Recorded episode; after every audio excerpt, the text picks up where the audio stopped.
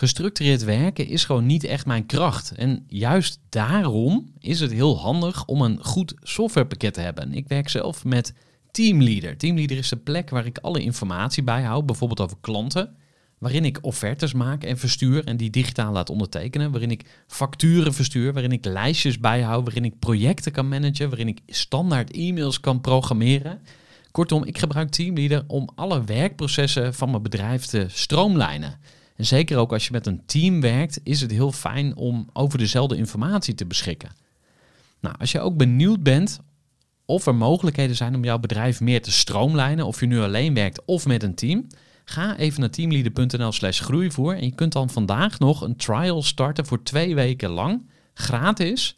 En je kunt Teamleader volledig uitproberen. En na de proefperiode krijg je ook nog zo'n leuke korting als luisteraar van Groeivoer. Ga naar teamleader.nl slash groeivoer. En toen zat ik daar en toen kwam er echt een, uh, wind, of een uh, roodborstje heel dichtbij mij. Die kwam bijna op mijn hand. Ik zag echt zijn ogen. Nou, dat vind ik dus een ultiem gevoel van rijkdom. Hè? Jij zegt dan, wat wil je allemaal voor je bent? Nee, vind ik helemaal niet boeiend. Dat vind ik een uh, subliem moment. Gooi voor. Gooi voor. Gooi voor. Inzicht, inspiratie voor je eigen bedrijf. Wil je elke dag iets leren? Luister dan naar Gooi voor. Ja, daar zijn we weer met een nieuwe aflevering van de Groeivoer podcast. En dat is niet zomaar een aflevering, maar we zijn aanbeland bij aflevering 100. Voor deze honderdste aflevering heb ik een speciale gast en dat is Elske Doets. Want in de afgelopen jaren heb ik een mooie reis mogen afleggen als podcastmaker en natuurlijk ook al sinds 2006 als ondernemer. Maar ik heb hier een uh, gast die nog veel langer meegaat als ondernemer en dat is uh, Elske Doets van Doets Reizen. Ze nam het bedrijf 20 jaar geleden over van haar vader Jan Doets, de oprichter van het bedrijf, en liet het bedrijf keihard groeien. Voor de crisis draaide het bedrijf 30 miljoen omzet en 2 miljoen netto winst. Nou, dat is toch een hele mooie prestatie. Het is dan ook niet zomaar dat Elske zakenvrouw van het jaar 2017 werd. Nou, zij is ook de vrouw die Mark Rutte gewoon Mark mag noemen. Auteur van het boek Bloei, een nieuw scenario voor groei.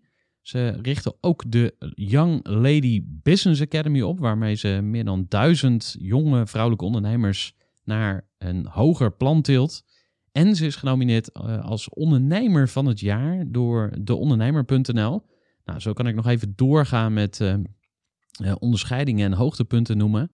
Dat ga ik niet doen, maar ik ga je nog wel even vertellen wat je mag verwachten van deze aflevering. Nou, in ieder geval hoe een topondernemer als Elske denkt. En ook hoe zij omgaat met deze crisis, die natuurlijk ook doelsreizen kei en keihard raakt. Je ontdekt onder andere de netwerkstrategie die Elske heeft ingezet om haar bedrijf exponentieel te laten groeien de afgelopen jaren. Je hoort ook waarom ze haar boek Bloei geschreven heeft. Want ja, Elske heeft een hele duidelijke visie op groei. En ja, daarmee ontdek je eigenlijk ook vanzelf de spirituele kant van Elske. En dat vind ik een extra bijzondere en um, ja, interessante kant. En daar zal ik in de komende 100 afleveringen ook meer de nadruk op gaan leggen. Om juist die onderbelichte, spirituele, uh, gelovige kant soms van mensen boven tafel te krijgen. Hoogste tijd om te gaan luisteren naar dit mooie verhaal van de eigenaar van Doetsreizen, Elske Doets. Voor de kennis en ideeën van een interessante gast die haar verhaal met jou wil delen. Luister je naar Gooi voor.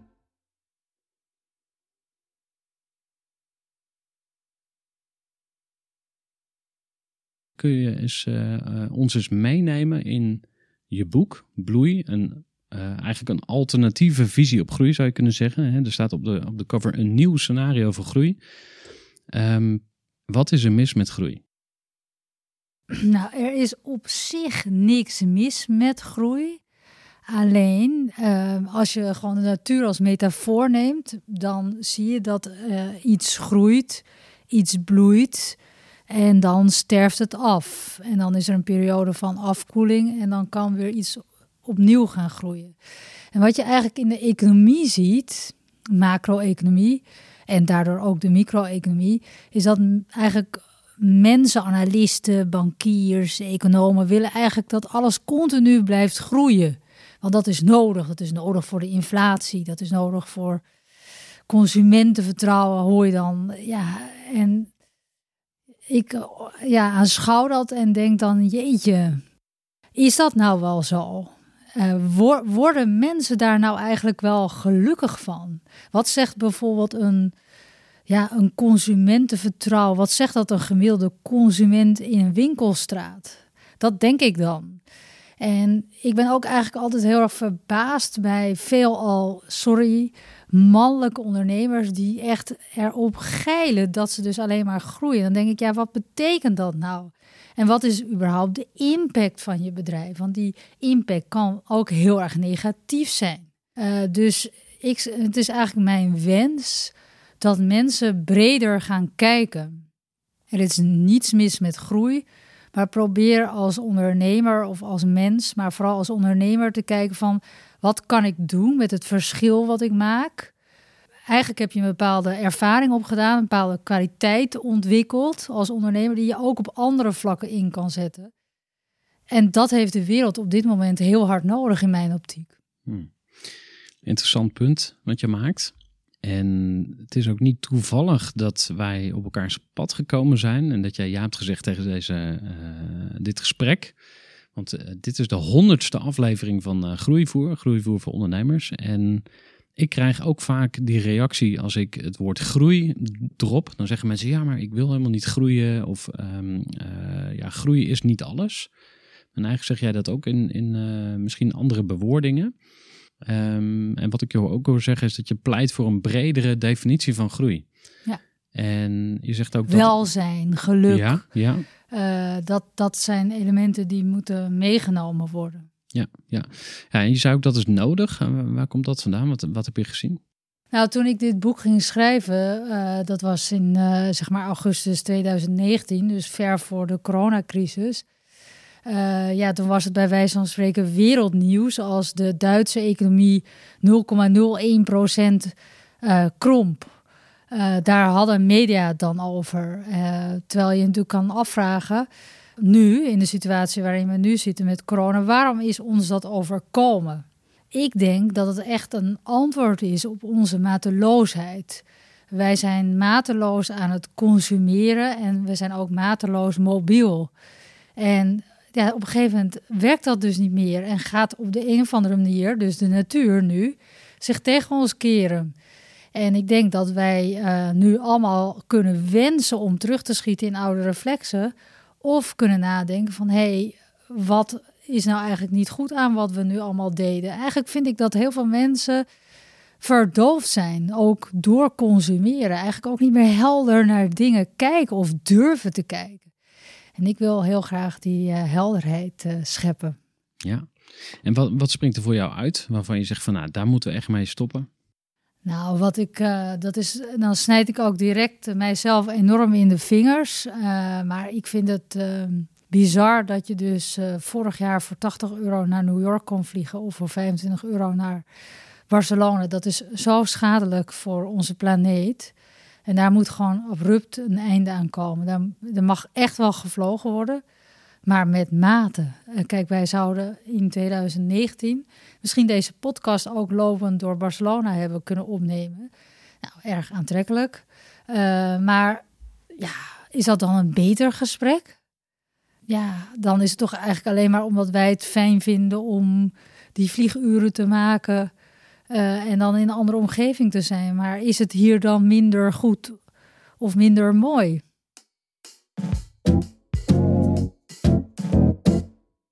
Laten we eens naar je, je bedrijf gaan. Uh, misschien even korte geschiedenis en dan tot het moment vlak voor de crash. Ja. Nou, ik ben precies nu 20 jaar eigenaar. Het is dus een familiebedrijf. Dit jaar bestaat Doetsreizen 40 jaar. Mijn vader is dus eh, 20 jaar eigenaar geweest en ik ben 20 jaar uh, dus nu eigenaar. En uh, het is een reisorganisatie. Wij zijn vooral gefocust op verre reizen, dus Amerika, Canada, IJsland, China, Japan. En ehm, ja, een bedrijf wat zich eh, heel erg focust op de consument. Dus alles maatwerk, dus heel erg op beleving. Dus als je ergens naartoe gaat, dus als ik reizen naar Barcelona zou organiseren, om nou even Barcelona weer als voorbeeld te nemen, dan zouden mijn klanten altijd een toegang hebben tot de Sagrada da Familia, het uh, uh, Guel Park van Gaudi, zodat ze dus niet daarheen gaan en zeggen, oh jammer, dat kon toch niet. Dus dat het dus wel zin heeft, die reis, zeg maar. Dat je het Mhm. niet opnieuw moet gaan doen. Ja. Dat is dus een belangrijke filosofie van eh, mijn bedrijf. Nou, dat, dat ging fantastisch. Eh, tot 12 maart eh, 2020. En toen is mijn bedrijf op slot gegaan. En dat duurt nu al tien maanden. Ja, want eh, hoe, hoe zag fantastisch eruit? Kun je dat eens eh, schetsen? Nou ja, fantastisch betekent dat je een bedrijf hebt van ongeveer eh, der- 30 miljoen even in kwantificeren in de omzet. Ja, dat is een getal. Ehm, maar het belangrijkste is dat natuurlijk jouw medewerkers en je klanten gelukkig zijn. Eh, daarvoor ben jij natuurlijk op aarde, zeg maar. Dus dat vond ik al heel belangrijk. En daarnaast ook eh, met de negatieve impact die wij hebben met reizen. Want daar moet je gewoon heel eerlijk in zijn. Hè. Het is natuurlijk niet goed voor het klimaat om 10.000 kilometer over de oceaan te gaan vliegen. Eh, deed ik ook samen met mijn klanten, eh, zeg maar verplicht, een bijdrage aan het behoud van regenwoud. Dus ik doe niets aan CO2-compensatie, maar behoud van eeuwenoud regenwoud, wat eigenlijk vanaf Vancouver tot Alaska loopt. Eh, waar dus eh, nou ook een heel bijzonder ecosysteem in leeft. En dat is eigenlijk helemaal afhankelijk van de wilde zalm. Eh, dat is dat hele ecosysteem. Dus ja, dat vind ik heel belangrijk om dat te behouden. Dus ook daarin maken wij bewuste keuzes.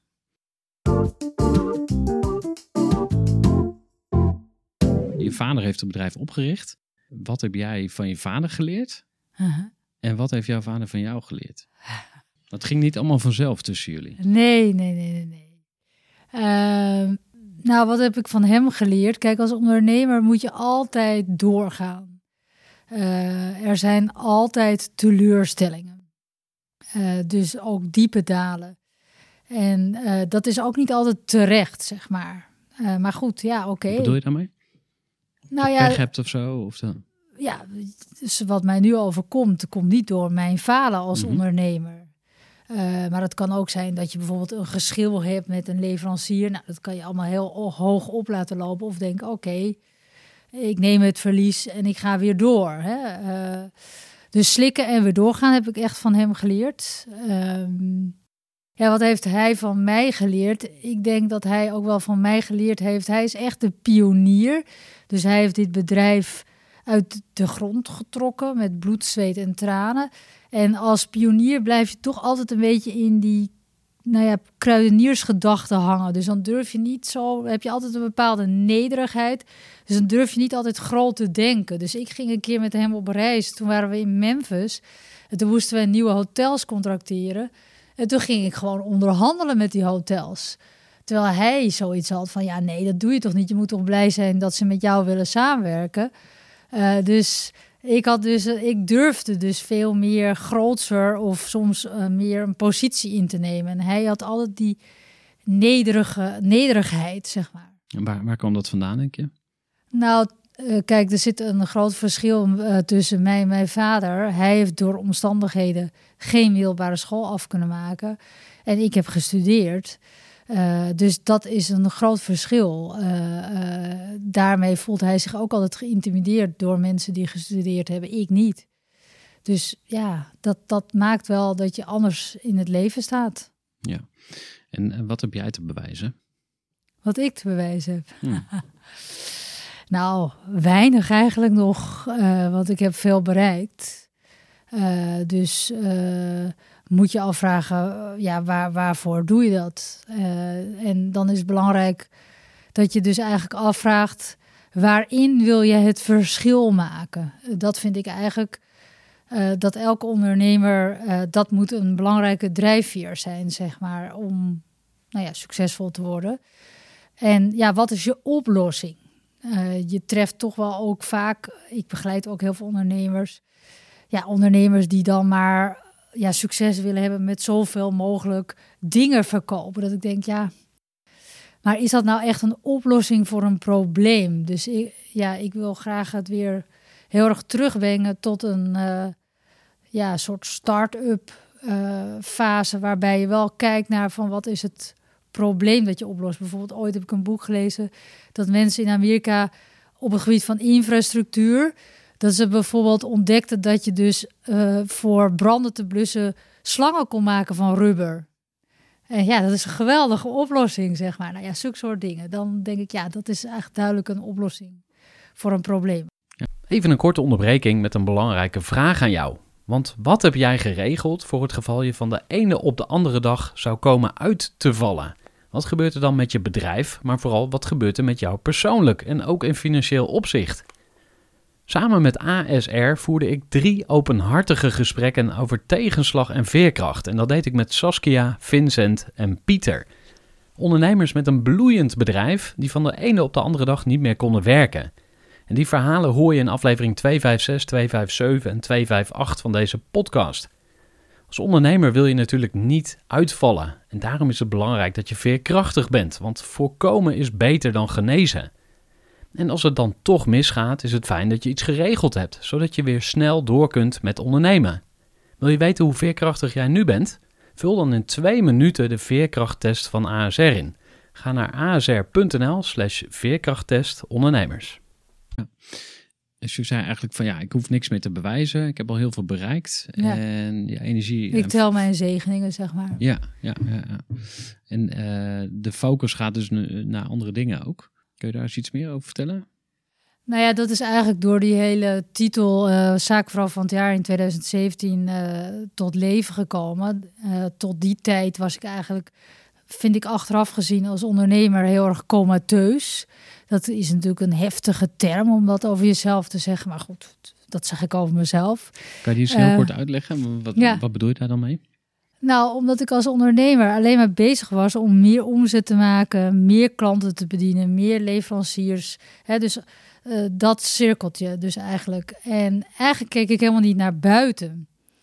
Uh, dus hield ik mij niet bezig met uh, maatschappelijke relevantie.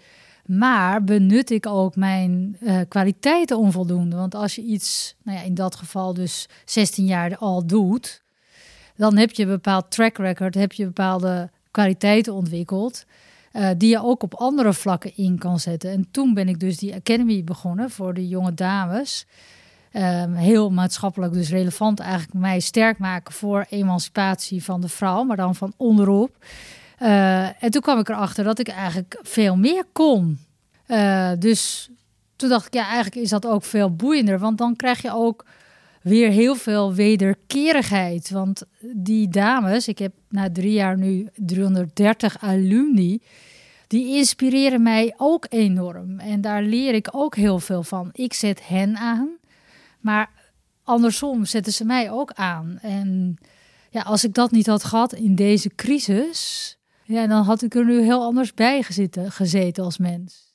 Ja, ja want um, wat is de grootste les die je gekregen hebt van die ondernemers waar je mee hebt gewerkt? Uh, nou, met die uh, dames vooral, zij zijn tussen zeg maar de 15 en 24. Zij hebben allemaal een enorme maatschappelijke urgentie. Dus uh, zij zijn allemaal bezig met klimaat, met ongelijkheid, met vergrijzing, met migratie. Ze hebben vaak zelf ook echt een geschiedenis. dus ze hebben eigenlijk zelf een bepaalde pijngrens al door omstandigheden uh, nou ja, overschreden. En doen dat dus eigenlijk ook met gemak weer, omdat ze dus zich daar sterk voor willen maken. En ja, daar richten ze gewoon hun bedrijf mee op. Of uh, worden ze politicus uh, en denken, nu moet er dus echt eens wat gebeuren aan het klimaat, in plaats van alleen maar dat gepraat. Ja. En wat, uh, wat, wat breng je ze bij? Wat is jouw belangrijkste boodschap? Wat ik hen bijbreng? Mm -hmm. Um, dat zij vooral echt moeten gaan doen. Dus zij zijn heel erg vaak bezig met een soort positiespel. Uh, dus als ze een bepaalde politieke of corporate droom hebben, maar ook als ondernemer zijn ze heel erg bezig om te kijken van wanneer is de, de hemel wolkeloos en dan pas gaan ze beginnen. ik zeg nee, je moet gewoon beginnen en dan on the way aan gaan passen. Dus eh, eigenlijk moet je, je je plan niet meer dan één A4'tje zijn. En in de basis moet het gewoon heel goed zijn.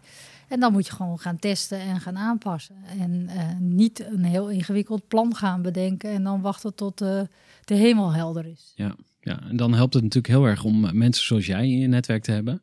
Mhm. Tenminste, ik hoorde een keer iemand zeggen van er is maar één shortcut naar succes. En dat is met de juiste mensen je omringen. Ja.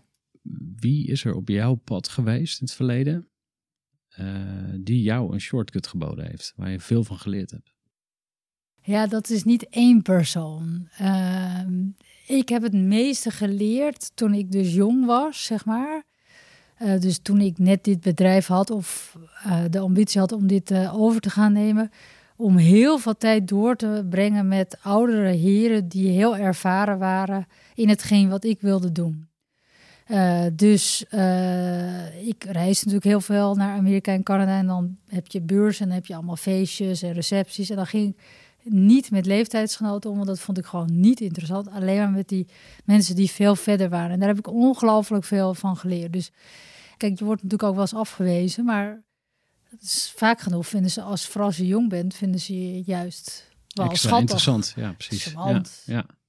Nou, daar kun je gebruik van maken. ja, Ja. verticaal netwerken. Ja. Ja. En dat, dat heeft je dus eh, ook enorm geholpen bij het laten groeien van doetsreizen naar dat... eh, Zeker. Maar alles, hè, elk contact is waardevol. Dat hoeft niet per se één bijzonder persoon te zijn. Want ook sinds ik zakenvrouw van het jaar ben geworden, mijn netwerk was eigenlijk alleen maar Amerika, Canada en mijn klanten. Dus helemaal niet business to business. Maar ik heb ook weer een heel nieuw netwerk opgebouwd in die tijd. En eigenlijk zie ik elk contact wat ik krijg als waardevol. En probeer ik ook elk contact eh, aan te gaan. Want het, het, het kan zomaar zijn, hè, dat heb ik altijd geleerd ook van mijn vader, dat je in een vliegtuig zit en dat je naast iemand zit en dat je met die persoon gaat praten en dat het gewoon een zakenpartner van je wordt. Dat is de kracht van netwerken, dat je open staat en niet berekenend bent. Gooi voor. Groeiclub. En we zijn lekker aan het luisteren naar Elske Doets van uh, Doetsreizen. Wat ik echt bewonder aan Elske is dat zij niet bang is om haar kop boven het maaiveld uit te steken. Want dat is toch wel echt typisch Nederlands. Hè? Als je een beetje opvalt, dan krijg je meteen de wind van voren. Ja, dat deed me denken aan Maurits Vroombout van het bedrijf Ever Better. Maurits is lid van de Groeiclub voor Ondernemers. En ik heb een interview mogen doen met Maurits om hem eens te vragen van ja, wat zijn nou je beste tips voor andere ondernemers? Nou, zijn eerste en grootste tip was om je niet te laten afleiden door allerlei trends. En zijn tweede tip, die zie ik heel erg in lijn met wat Elske ook eh, eigenlijk eh, uitstraalt aan alle kanten. En dat is durf ambitieus te zijn. En eigenlijk zegt Maurits daar letterlijk het volgende over. Hij zegt, voor mij persoonlijk is de groeiclub best wel een dingetje. Want te vaak heb ik in andere netwerkclubs meegemaakt dat ik niet mijn kop boven het maaiveld mag uitsteken. Je mag niet te veel ambitie tonen. Op allerlei plaatsen heb ik het gevoel dat diepgang niet gewenst is. Maar bij de groeiclub is zo'n plafond er niet. Je wordt juist uitgedaagd om het beste in jezelf naar boven te halen. En dat in een omgeving die veilig voelt en waar het ook nog gezellig is. Ik ben blij dat ik bij de groeiclub mezelf mag zijn. Zo word ik gestimuleerd om over allerlei ondernemersthema's na te denken en te bepalen wat deze voor mij betekenen. Ja, goed verhaal, uh, Maurits, dankjewel. En uh, ja, mocht je zelf denken van, hé, hey, dat klinkt eigenlijk wel goed, ik wil daar wel eens een keer bij zijn, kom dan woensdag om half tien even langs, want dan hebben we weer een meetup in Zoom. Zijn we nog niet gelinkt, dan kun je hem natuurlijk ook gewoon even toevoegen op LinkedIn. Lijkt mij superleuk. Luister lekker verder naar Gooi voor. Ja, want uh, laten we eens teruggaan naar, naar uh, Doetsenreizen. Jullie hebben een ontzettende mooie groei doorgemaakt. Hè? Het was natuurlijk een, een, een, Je hebt het bedrijf overgenomen van je vader. Mm -hmm. Maar je hebt zelf ook keihard, keihard gewerkt om je eigen rol daarin te pakken. Mm -hmm. Uh, je hebt het heel succesvol gemaakt. Ook door met de juiste mensen te praten. Hè? Dus verticaal netwerken. En toen kwam die crash. Mm -hmm. ja. hoe, zag, hoe zag dat eruit? Nou ja, eigenlijk moet je het zo zien dat je eigenlijk in één dag van een soort winnaar een verliezer wordt. En uh, ja, dat is heel hard, maar dat moet je gewoon vooral meteen accepteren.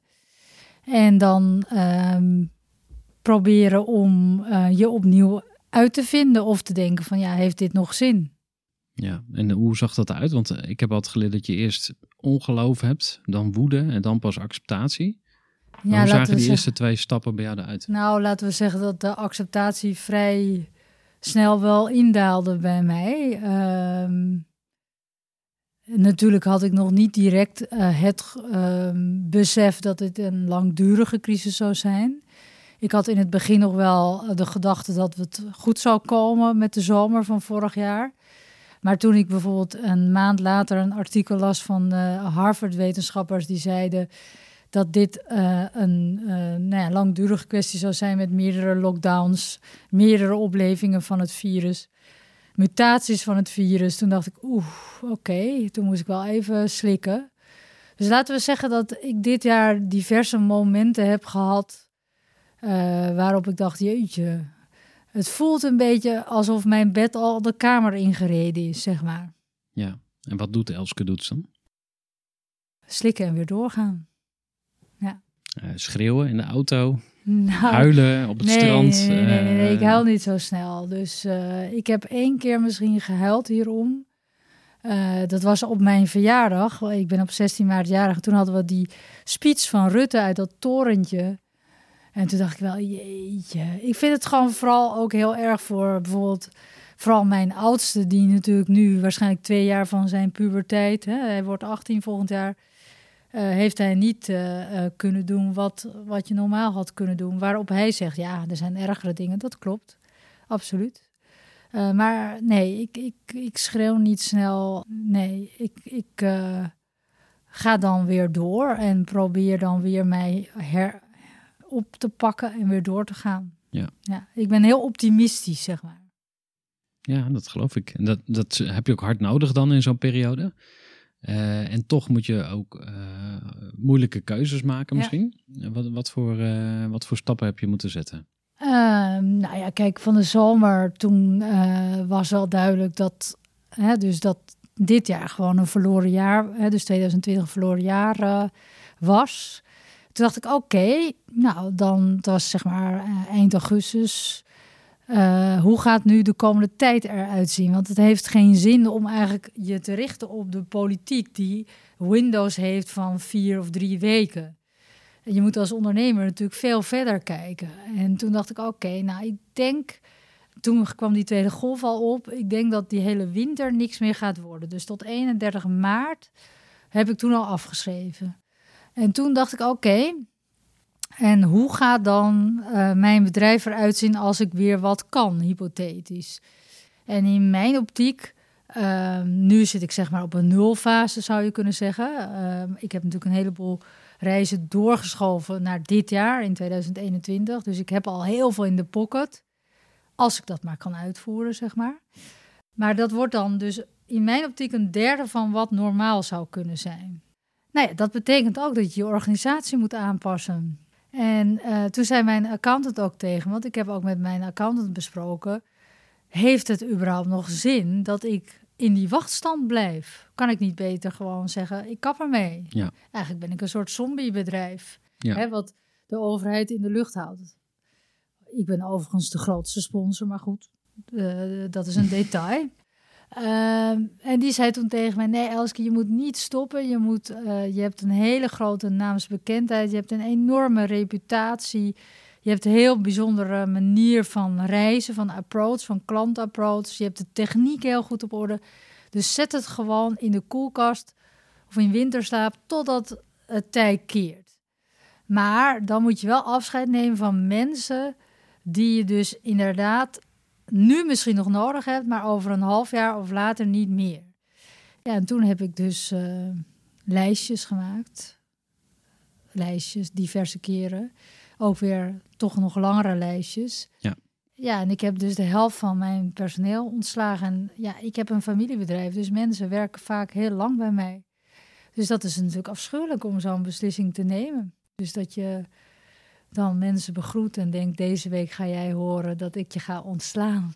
Ja. En dat je dan vraagt: hoe was je vakantie? En dat ik al weet dat Er er een heel. een kruisje achter die naam, even heel lullig gezegd. Ja, dat ik dan denk: ja, dat eh, gaat iets anders lopen. Eh, over twee dagen ga je dat horen. Ja, dat is afschuwelijk natuurlijk. Maar Ja. het is niet anders. Hoe ver ben jij in het de herontdekkingsproces van doetsreizen? Want je bent natuurlijk ondertussen wel nadenken van... oké, maar hoe ziet de toekomst eruit? Wat voor antwoord heb je tot nu toe gevonden? Nou, kijk, dat, dat eh, herontdekkingsproces heb ik eigenlijk al heel vroegtijdig ingezet. Dus eh, in april, toen wij eigenlijk die acute fase voorbij waren van mensen terughalen uit Amerika, hebben wij direct ons eh, vizier op de toekomst gezet, dus op 2021. En ook direct een andere manier van reizen eigenlijk uitgevonden. Omdat, ja, eh, je moet als reisorganisatie, maar ook als consument je afvragen van waarom reis ik nou? Wat is nu de reden dat ik bijvoorbeeld naar Canada wil met mijn gezin? En ik weet dus uit ervaring, omdat ik altijd heel veel met klanten praat op zaterdag, zeg maar, deed ik altijd mijn rondje, zeg maar, door de zaak. Dat vaak de r- reden is dat mensen op reis gaan, is om weer in contact te komen met zichzelf en met hun naasten. Ja, en dan kan je natuurlijk afvragen, heeft het nou wel zin dat je helemaal naar Canada gaat vliegen? Of dat je elf nationale parken in drie weken gaat bezoeken, dan kom je natuurlijk helemaal niet tot de essentie. Dan ben je gewoon nog steeds aan het rennen en eigenlijk verblind nog steeds geen contact aan het opzoeken. En daarom heb ik dat diepe reizen ontwikkeld, waarbij je dus eigenlijk veel meer in de diepte, nou ja, in plaats van elf plekken doe je dan twee of drie plekken aan, waarbij je echt de mogelijkheid hebt om tot jezelf te komen en weer in contact te komen met jezelf. Maar dat kan ook dichterbij. Dus dat kan ook in Scandinavië. Dat hebben we dus ook ontwikkeld. Ook reizen met treinen, dus ook naar Frankrijk, alles met treinen. Helemaal op de doetsmanier. En dan, ja, als je dan kijkt naar Scandinavië, ik vond dat nooit zo sexy. Maar ik ben dus hartstikke bijziend geweest. Door dat niet serieus te nemen in het verleden, om alleen maar te focussen op Canada. Uh, want eigenlijk vind ik het interessanter, ik ben er ook in oktober geweest, dan uh, Canada. We hebben al heel, uh, heel wat besproken, maar er zijn natuurlijk nog steeds vragen die bij me op blijven borrelen. Maar ook een, vraag die, denk voor jouw toekomst belangrijk is. Want um, hoe, hoe zie jij de troonopvolging? Want je hebt al gezegd van, ik zou eigenlijk niet willen dat mijn kinderen in de business ja. gaan. Uh, hoe ga je het dan aanpakken?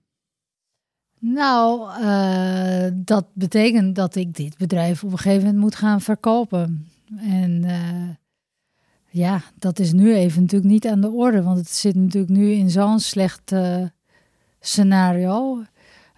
Dat als ik dat zou verkopen, zou ik het natuurlijk cadeau geven. Dat is zonde.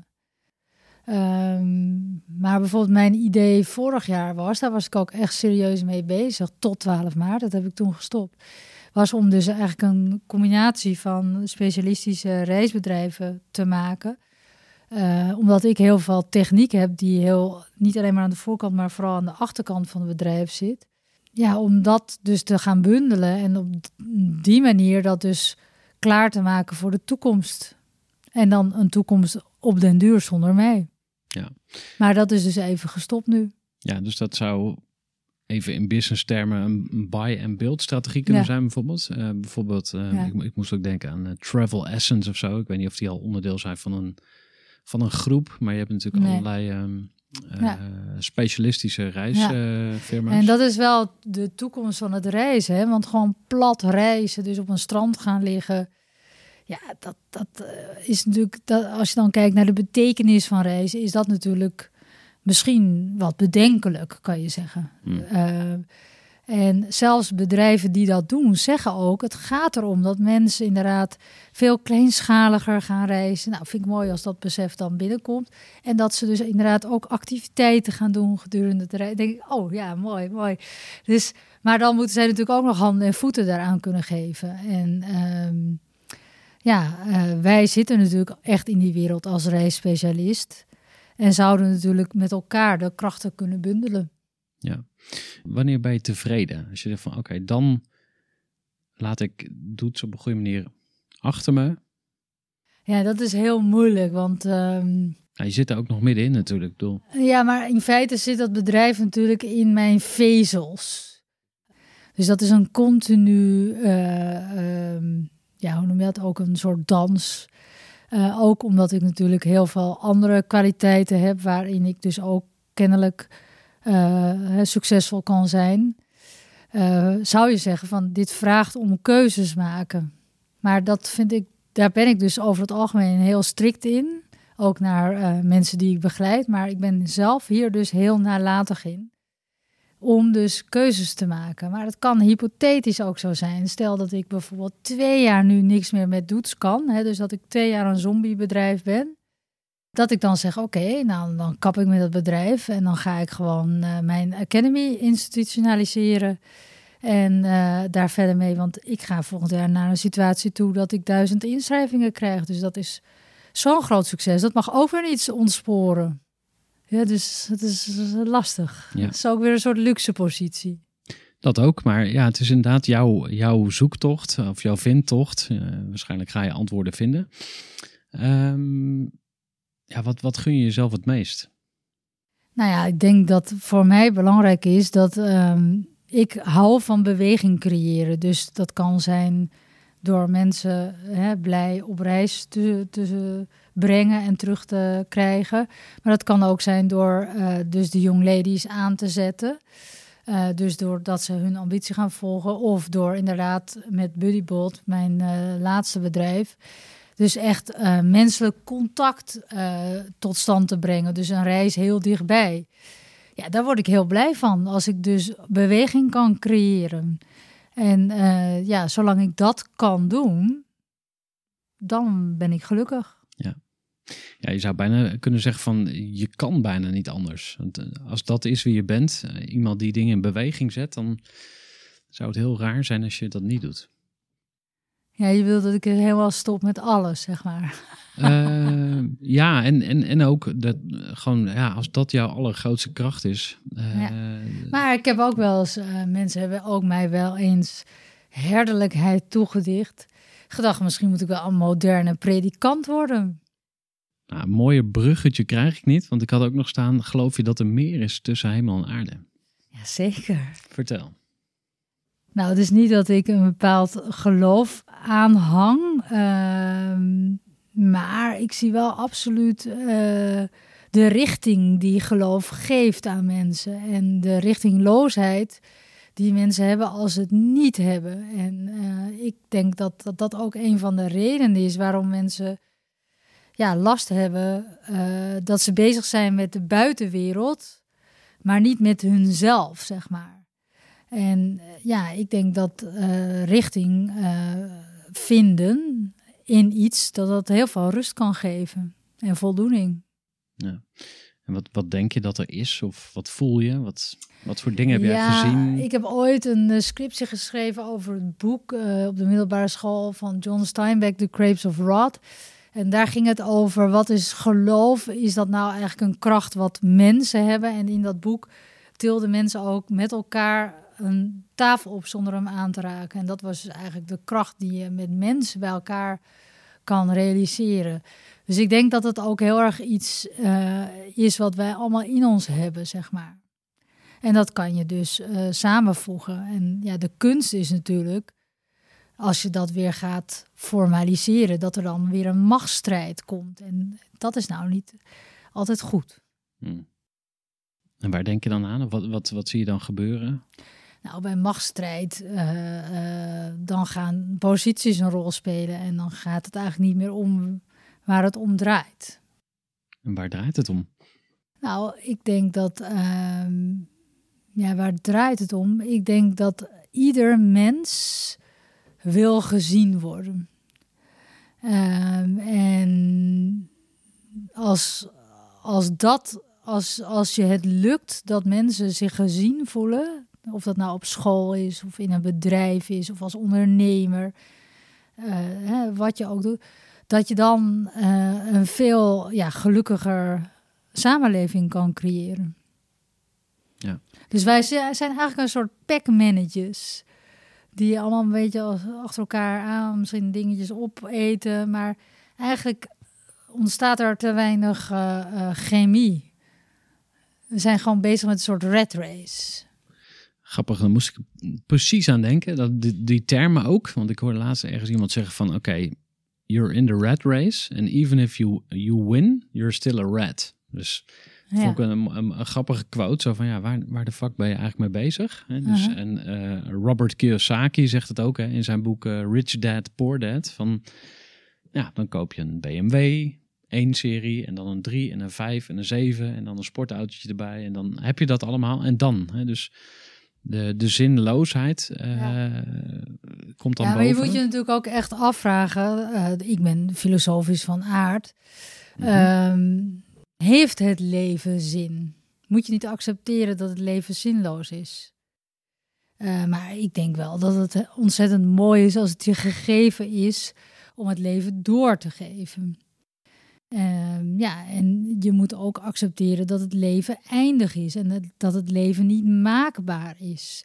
En dat is natuurlijk hetgeen waar we nu gigantisch tegen de lamp aanlopen. Dat we met corona natuurlijk eigenlijk geconfronteerd worden. Dat, we, ja, dat, we, dat, dat het leven gewoon niet maakbaar is. Amen. we gaan terug ja, naar... je eh, voelt er wel. De- ja, ja, ja, toch die goed. heerlijke kant op, hè? ja, ja, ja. ja, wat jij misschien niet weet, is dat ik een zoon van een dominee ben. Ja, ik En, hoorde eh, al aardse toch? slijk net. Ja, dus ik ja, eh, ja. pikte hem al op, hoor. En waar, waar heb jij dit soort dingen gehoord? Nou, ik heb zelf wel op een christelijke school gezeten, maar ehm, ja, heel veel observeren. Ja. Kijk, als je heel, heel graag er wil zijn of ruimtevullend wil zijn, dan heb je geen tijd om te observeren. Want dan ben je bezig om de ruimte te vullen. Mhm. Klinkt als ego. Ja, maar iedereen heeft een ego, want als je geen ego hebt. Maar ik heb heel vaak in lezingen gezegd dat, mij, dat ik leiderschap pretendeer zonder ego. Eh, omdat ik niet belangrijk ben, maar mijn team is belangrijk. Als zij blij zijn, worden mijn klanten ook blij. En ehm, dus ik ben een soort aangever, dus ik doe elke dag, dat is ook een beetje eh, religieus. Ik doe elke dag een huddle, dus we gaan in een kring staan. Dat doen we dan nu digitaal. En dan gaan we dus eh, echt contact met elkaar maken. Dan gaan we over dus harde dingen praten, dus cijfers. Maar we gaan ook vooral over nou, kernwaarden en ook over zachte dingen praten. En eh, alle teamleden doen eraan mee. Ja, ehm, dat, is, dat, is, eh, dat geeft een bepaalde chemie, zeg maar. Ja. Misschien nog heel even naar jouw eh, spirituele kant. Mhm. Want ik klonk alweer meer als eh, scaling up en bedrijf bouwen. Ja, nee, maar dat is een manier die ik heb gevonden Mhm. om niet te vergaderen. En eigenlijk is het een soort ochtendgebed. Waarbij als je dat niet doet, de dag niet lekker begint. Dus, want ja, ik vind het wel belangrijk dat ik dus ook nu, digitaal, dat ik ze elke dag in de ogen kijk. En heel vaak, we hebben vanochtend een half uur besteed om te praten met iedereen hoe ze in de wedstrijd nu zitten ten aanzien van corona. Eh, gewoon dat we dat allemaal weten. Die is gefrustreerd. Of eh, dan mogen ze allemaal tegen mij en tegen elkaar zeggen. Hm, mooi. Ja, wat eh, veel mensen van mij wel weten is dat ik heel, heel christelijk ben opgevoed. En eh, voor mij is steeds meer duidelijk geworden dat geloven en religie, dat dat wel met elkaar verband houdt, maar niet hetzelfde is. Nee. En dat je ook eh, heel veel dingen, heel veel verschillende dingen kan geloven. En dat geloof ook steeds verandert. Mhm. En de mooiste dingen, die kun je bijna niet, niet uitleggen aan andere mensen. Die, die ja, spirituele ervaring. Ja. ehm, Nou, ik had zondag bijvoorbeeld een eh, eh, ervaring. Ja, te veel. Want als je open staat, dan eh, toeval bestaat niet, zeg maar.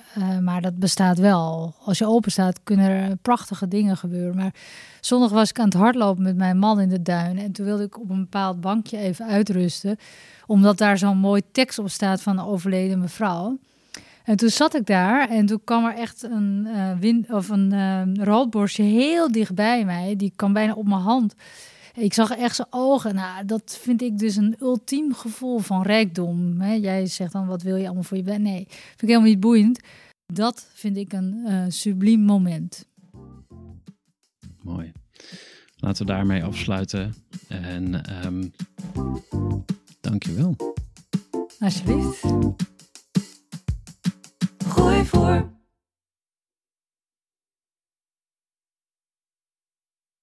Gestructureerd werken is gewoon niet echt mijn kracht. En juist daarom is het heel handig om een goed softwarepakket te hebben. Ik werk zelf met Teamleader. Teamleader is de plek waar ik alle informatie bijhoud, bijvoorbeeld over klanten, waarin ik offertes maak en verstuur en die digitaal laat ondertekenen, waarin ik facturen verstuur, waarin ik lijstjes bijhoud, waarin ik projecten kan managen, waarin ik standaard e-mails kan programmeren. Kortom, ik gebruik Teamleader om alle werkprocessen van mijn bedrijf te stroomlijnen. En zeker ook als je met een team werkt, is het heel fijn om over dezelfde informatie te beschikken.